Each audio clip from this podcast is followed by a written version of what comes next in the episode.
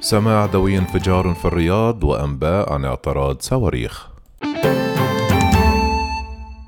سمع دوي انفجار واحد على الأقل في العاصمة السعودية الرياض الثلاثاء بحسب سكان بعد ثلاثة أيام على تدمير القوات الجوية السعودية قذيفة فوق العاصمة ولم يصدر تعليق فوري من السلطات السعودية حتى الآن.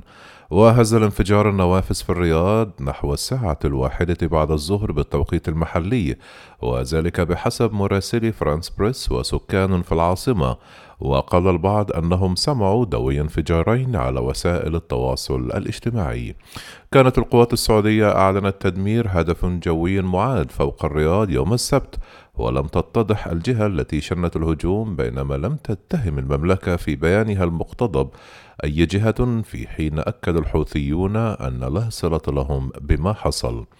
وبحسب التحالف العسكري الذي تقوده المملكة في اليمن فقد تم اعتراض وتدمير هدف جوي معاد تجاه الرياض. وفقا لما نقلت قناة الإخبارية الحكومية من دون أن تعطي أي تفاصيل إضافية. وأفاد موقع مطار الملك خالد الدولي في الرياض عن تأخير في عرض في وصول العديد من الرحلات السبت.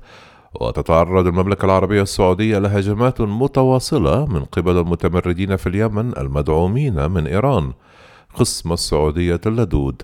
لكن الصواريخ والطائرات المسيرة التي يطلقها الحوثيون نادرا ما تصل إلى أجواء العاصمة السعودية التي تبعد نحو 700 كيلومترا عن الحدود اليمنية.